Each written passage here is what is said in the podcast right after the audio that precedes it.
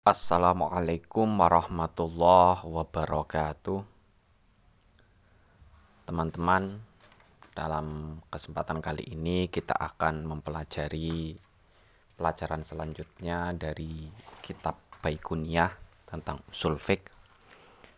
Tapi sebelumnya kita baca Al-Fatihah terlebih dahulu. Ala hadiniyah wa ala kulli niyatin sholihah ila hadratin nabiyil mustafa sayyidina Muhammadin sallallahu alaihi wasallam wa ila hadrati abaihi wa ummahatihi wa dzurriyyatihi wa ikhwanihi minan nabiyyin wal mursalin wa ali kullin wa ashabi kullin ajma'in wa syuhada wa sholihin wal awliya aina ma kanu min masyarikil ardi ila magharibiha barriha wa bariha wa biladiha wa jibaliha wa audatiha khususan ila hadati syakut bi rabbani wal arif asamadani syabdil qadir al jilani wa syabil hasan asyadzili wa syabi zakaria an nawawi wa syabi hamid al ghazali wa syabi azid al bustami wa syabdil wa sya'rani wa syarif hidatullah gunung jati wa syamutamakan kacan pati wa jamil awliyati safil jawri wa anhum. A'adallah alina min barakatihim wa karamati wa syafaatihim wa ila hadrati abaina wa ummahatina wa ajdatina wa jadatina wa akhwalina wa khalatina wa amamina wa ammatina wa masyaikhina khusun ila hatuti syama'ali fil kutub alati ta'allamna wa 'allamna khusun ila hatuti Jalaluddin al-Mahalli wa hatuti al-Masyin Nabi Allah Khidir alaihi salam Syekhuna Khalil Bangkalan Syekh Syim Asyari Syekh Basbullah Syekh bin Zuri Abdul Karim Syekh Marzuki Talan Syekh Mursali Syekh Marzuki wa ila hadrati Syekh Mahfudul Qasim wa ila jamil muslimin wal muslimat wal mu'minin wal mu'minat Allah ya minhum al amat min umat Muhammadin sallallahu alaihi wasallam. al-Fatihah A'udzu billahi minasyaitonir rajim Bismillahirrahmanirrahim. Alhamdulillahi rabbil alamin Ar-Rahmanir-Rahim Maliki yaumiddin Iyyaka na'budu wa iyyaka nasta'in Ihdinas siratal mustaqim Siratal ladzina an'amta 'alaihim ghairil maghdubi 'alaihim waladdallin. Amin. Bismillahirrahmanirrahim. Kemarin kita sudah selesai berbicara membicarakan tentang nazar dan istidlal. Sekarang kita beralih untuk membicarakan tentang dalil. Bismillahirrahmanirrahim. Qala al-musannifu rahimahullah taala wa nafa'ana bihi wa bi ulumihi fid dharaini amin. Bismillahirrahmanirrahim wa dalilu huwa al-mursyidu ilal matlubi li'annahu alamatun alaihi. Wa dalilu adapun dalil huwa al-mursyidu adalah sesuatu yang menunjukkan. Huwa al-mursyidu adalah sesuatu yang menunjukkan ilal matlubi pada sesuatu yang dicari. Ilal matlubi pada sesuatu yang dicari li annahu karena sesungguhnya dalil. Li annahu karena sesungguhnya dalil itu alamatun tanda. Itu alamatun tanda alaihi bagi matlub. Alaihi bagi matlub. Dalil itu adalah tanda ya. Tanda dari sesuatu yang dicari puzzle ya kan? Dalil itu adalah puzzle atau manifestasi dari apa yang kita cah apa yang dicari. Untuk itu dalil itu adalah al mursyid ilal matlub sesuatu yang menunjukkan kepada mat matlub sesuatu yang ditunjuk apa sesuatu yang menunjukkan kepada sesuatu yang kita yang kita cari. Contohnya begini sholat itu wajib apa tidak? Kita mencari, ya kan? Kita kan mencari apakah sholat hukumnya wajib apa tidak. Setelah di setelah dicari, dicari, dicari pencarian itu berlalu, nah kita menemukan redaksi wa aqimis sholat, ya kan? Kutiba ali apa wa aqimis sholat dirikanlah sholat. Nah ini dalil. Nah, oh berarti kok sholat itu hukumnya wa, wajib. Dalilnya apa? Ya, tandanya apa? Buktinya apa? Buktinya ada dalam Al-Quran wa aqimis wa aqimis sholat. Itu, itu namanya berarti wa aqimis sholat adalah da, dalil, tanda, ya kan? Tanda dari sesuatu yang kita cari. Ya, sesuatu yang kita cari apa? Hukumnya sholat. Tandanya apa? Tandanya adalah tandanya itu adalah teks yang ada di dalam Al-Qur'an. Al Wadzonnu adapun zon. Wadhonu adapun dhon itu tajwizu amroini. Itu itu tajwizu amroini mengalahkan atau mengunggulkan. Mengunggulkan salah satu. Oh, itu tajwizu amroini mengunggulkan dua sesuatu mengunggulkan dua sesuatu ahaduhuma adapun salah satunya amro ini ahaduhuma adapun salah satunya amro ini itu azharu lebih tampil atau lebih terlihat.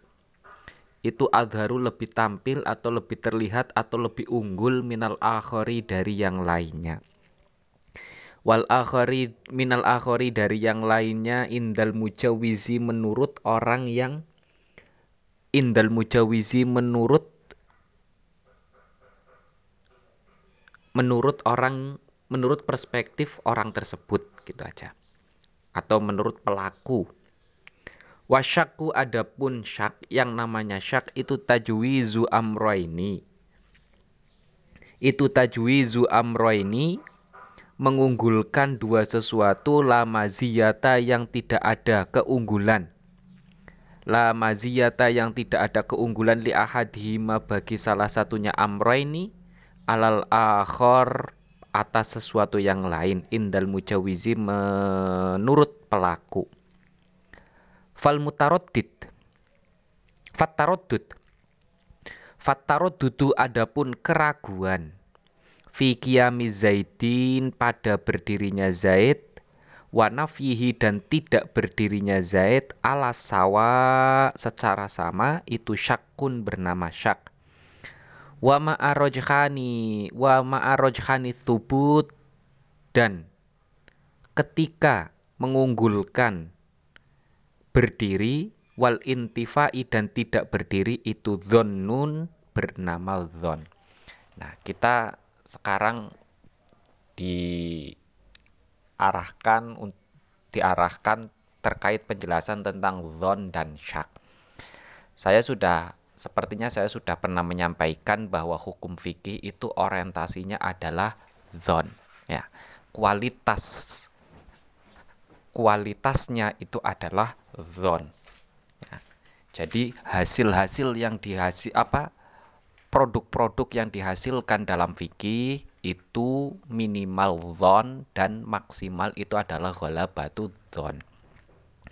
Sekarang kita di sekarang kita bertanya apa itu zon?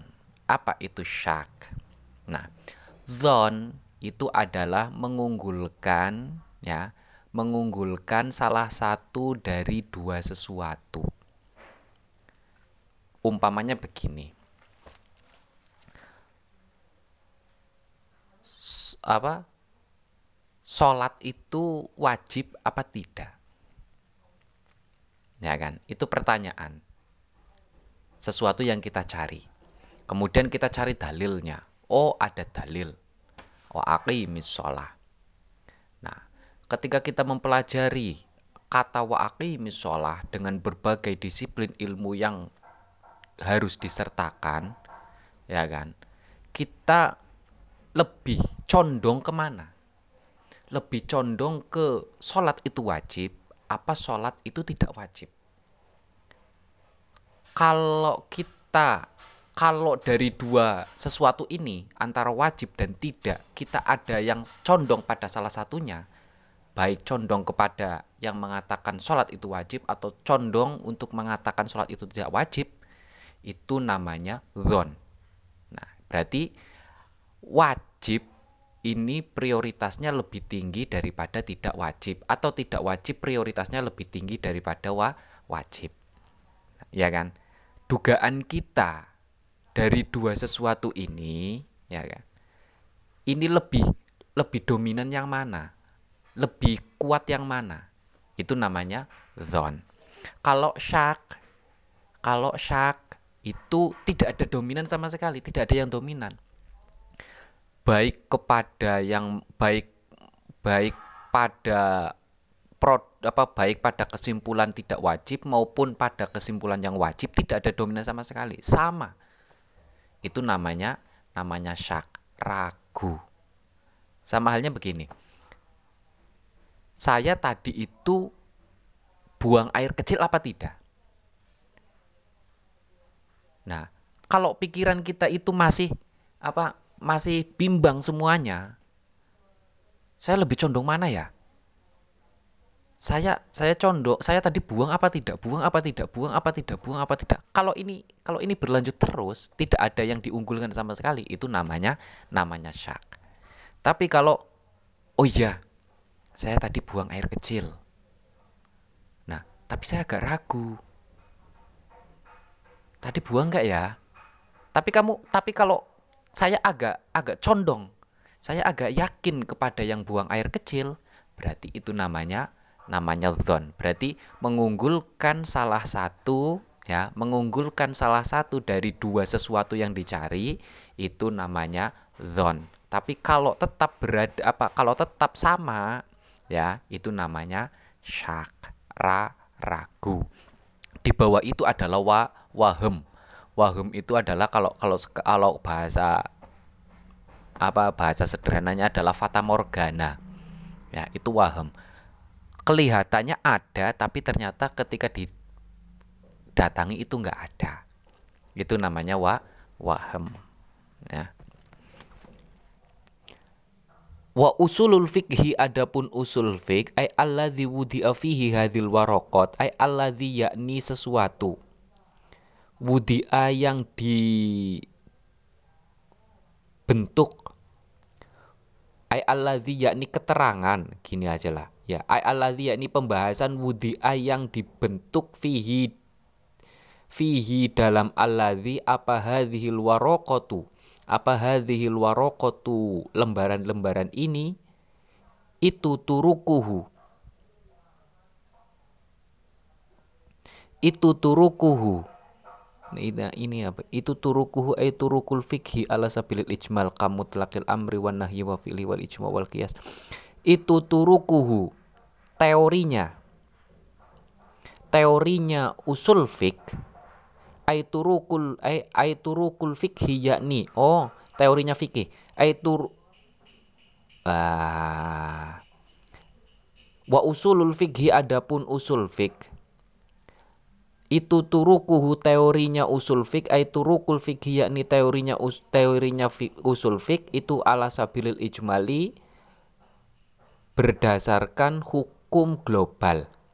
Kamu telakil amri seperti mutlaknya amr, wan nahyi dan larangan, wa fi'lin nabi dan perbuatan nabi, wal ijma'i dan kesepakatan ulama, wal kiasi dan kias, wal istishabi dan memberlakukan hukum asal, ya, min khaisul bahthu an awalihi min haitsul bahsu dari sisi pembahasan an awaliha dari awalnya mutlakil amri sampai akhir itu bi annahu sesungguhnya awal ya itu lil wujubi menunjukkan wajib. Nah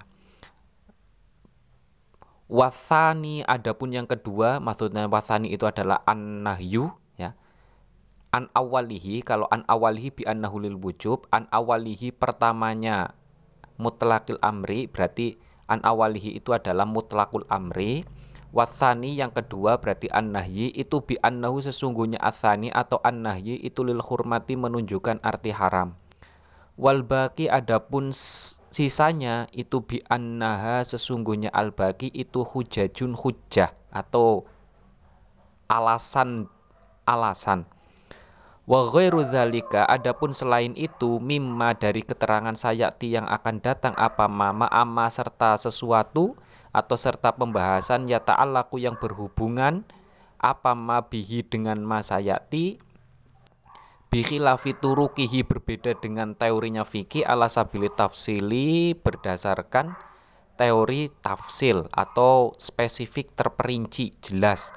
Nahu aqimus sholah seperti lafat aqimus sholah wala wala takrobuzina dan lafat takrobuzina wa sholatuhu dan sholatnya kanjeng nabi.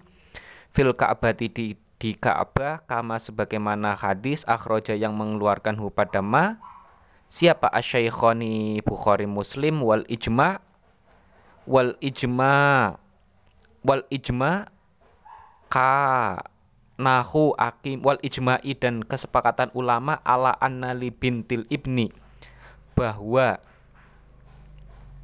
bagi anak perempuannya anak laki-laki anak perempuannya laki-laki asudusa mendapatkan bagian waris seperenam.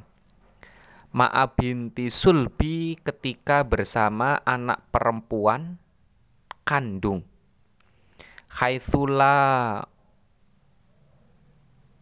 mu'assiba. Mu'assiba haitsula mu'assiba ketika tidak ada waris asobah lahuma bagi bintul ibni dan bintu sulbi wakia silbiri dan menyamakan atau menganalogikan menyamakan gandum alal aruzi pada beras. Fimtina ibai ibadihi dalam hal larangan menjual arus ya arus bibaktin dengan rus yang lain illa masalan bimitlin kecuali sama takarannya. Ya dan biadin dengan cara serah terima. Kama sebagaimana hadis rawa yang telah meriwayatkan hu pada ma siapa muslimun imam muslim. Nah kalau dalam usul fik ya ini wa usulul fikhi ay alladhi wudi afihi hadil waraqat turukuhu ay turuku usulul fikhi dalam teori apa dalam masalah usul fik yang dibahas adalah dalil-dalil secara mutlak ya dalil-dalil secara mut mutlak secara ijmal secara glo global kayak apa kayak al-amru bahwa perintah itu menunjukkan arti wa wajib. Hanya teori saja, teorinya doang. Tidak ada aplikasinya. Teo apa teori bahwa perintah itu menunjukkan arti wa wajib. Larangan berarti menunjukkan arti larangan itu menunjukkan arti ha haram. Sunnah itu apa? Hadis itu a apa? apakah bisa dijadikan dalil hadis dan sunnah? Atau ijma itu apa? Ijma itu terbagi berapa? Itu secara global, itu pembahasannya dalam usul usul fik. Beda dengan fikih. Kalau fikih itu dalilnya ya, dalilnya itu adalah dalil spesi spesifik, dalil yang jel yang jelas. Langsung mener apa langsung teorinya bagaimana, dalilnya apa, kesimpulannya bagaimana, bagaimana. Ya kayak contoh apa ya? Aqimus sholah. Ya. Kayak lafat aqimus sholah. Ita izaka. Ya. Kalau kalau usul fik kan hanya berbicara al amru tadur al wujub, ya itu doang. Nah, kalau fikih kita dihadapkan pada sebuah teks, sebuah dalil. Bagaimana dalil ini? Aqimus sholah. Oh, akim itu adalah amr. Amr teorinya adalah wajib. Berarti hukum melakukan sholat maktubah itu adalah wajib. Lah, kenapa maktubah? karena as-sholat itu menggunakan alif lam di awalnya. Berarti ini adalah ma'rif, ma'rifat. Nah, ma'rifat ini berarti tidak semua sholat. Berarti sholat-sholat khusus. Apa sholat khusus itu? Yaitu sholat maktu, maktubah. Hukum sholat maktubah berarti wajib. Nah, itu fi fikih. Ya kan? Fikih itu Fikih itu berbicaranya sholat itu hukumnya wajib. Tapi kalau usul fik amar itu hukumnya wa apa amar itu maknanya adalah wa wajib. Beda ya. Usul fik itu berbicaranya amru perintah itu maknanya wa wajib. Tapi kalau fikih berbicaranya sholat itu hukumnya wa wajib. Beda. Ya, itu diperhatikan gampangannya begitu. Kenapa sholat hukumnya wajib? Karena dalam laf apa dalam teks tentang sholat wa aqimis sholat akim itu adalah fi'lul amru ya fi'lul amri fi'il amr perin perintah. Perintah itu teorinya adalah maknanya wa wajib. As-sholat itu ada alnya ini adalah ma'rifat. Sehingga tidak semua sholat tapi sholat-sholat tertentu. Nah sehingga sholat lima waktu hukumnya wajib. Itu fikih. Tapi kalau usul fik makna amr ya amar perintah itu mengandung makna wa wajib. Itu ya bisa dibedakan ya. Nah sebagaimana nanti kias juga bagaimana itu usul fik itu pembahasannya usul fik kias itu bagaimana? Ya syarat-syaratnya kias itu apa? Itu pembahasannya usul fik tapi kalau sudah praktek kalau sudah praktek itu namanya fi fikih ya. Makanya fikih itu teorinya adalah dalil tafsili. Kalau usul fik teorinya adalah apa bukan teori konsepnya. Fikih konsepnya adalah dalil tafsili. Kalau usul fik konsepnya adalah dalil ijmal ijmali dalil yang glo global Am, setiap perintah adalah wajib itu kan global perintah apa perintah sholat perintah makan perintah tidur kan itu ya kan itu kan global perintah tentang apa tapi kalau fikih itu dalil tafsili secara terperinci, sudah jelas. Perintah apa? Salat hukumnya wa, wajib karena Allah memerintahkan so, salat. Itu ya. Nah, itu. Nah, ini kalau itu itu itu itu kesimpulannya ya. Kalau saya jelas apa kalau saya terjemahkan ini sekilas ya um, apa usul fik itu seperti mutlakul amri ya mutlaknya perin perintah nah mutlaknya perintah itu adalah menunjukkan arti wa, wajib larangan nahyi itu menunjukkan arti hur hurma ha haram. Wal baki maksud maksudnya selain selainnya. Selebihnya yaitu fi'lun nabi ijma kias istishab itu adalah hujah atau landasan atau dal dalil. Ya. Hujah atau landasan atau da dalil ijma bisa dijadikan dalil bisa dijadikan landasan kias bisa menjadi landasan istishab bisa menjadi landasan fi'lun nabi bisa menjadi landasan dalam menentukan sebuah hu hukum ya nah kalau contohnya fikih itu adalah aqimus sholah ini contohnya fikih, ya kan?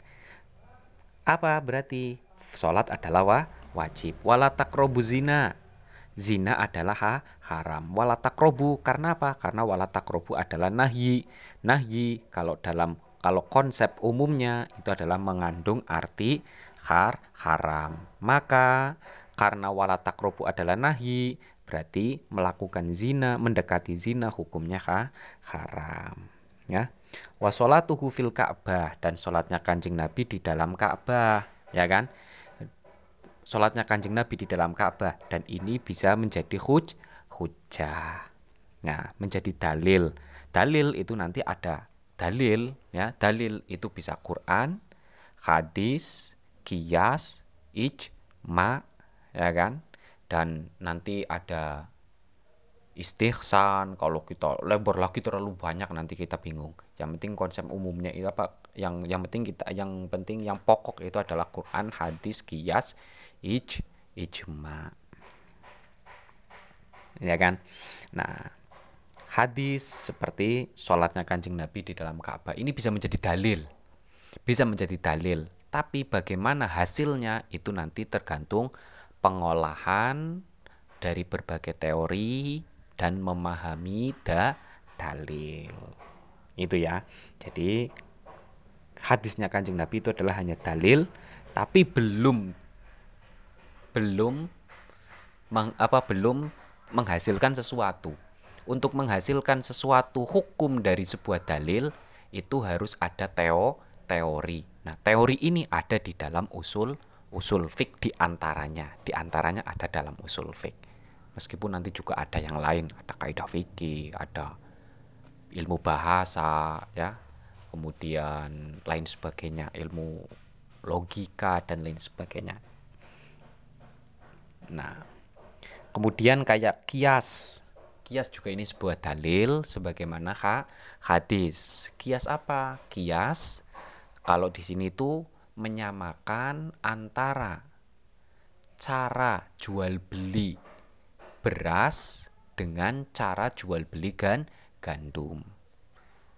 Zamannya Kanjeng Nabi kan nggak ada beras, adanya kan gandum. Sehingga yang terjadi pada waktu itu adalah jual beli gan gandum. Lah sekarang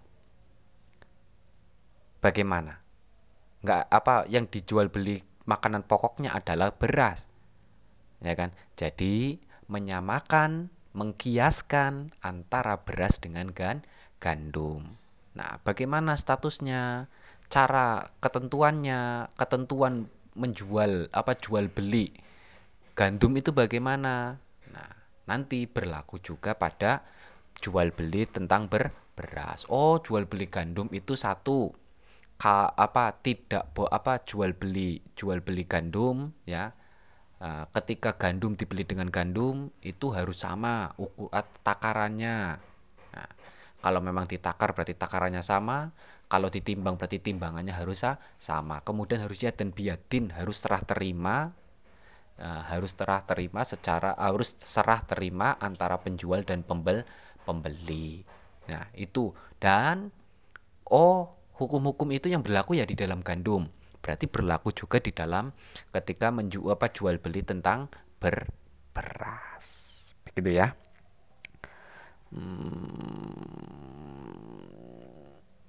ya itu mungkin mungkin cukup segitu dulu barangkali terlalu panjang meskipun ini aslinya tanggung Nah, semoga apa yang kita pelajari bisa bermanfaat. Alhamdulillahirabbil alamin. Allahumma inna nastauti'uka ma 'allamtana fardut ilaina inda hajatina ilahi ya alamin. Kurang lebihnya mohon maaf. Bila taufik wal hidayah. Wassalamualaikum warahmatullahi wabarakatuh.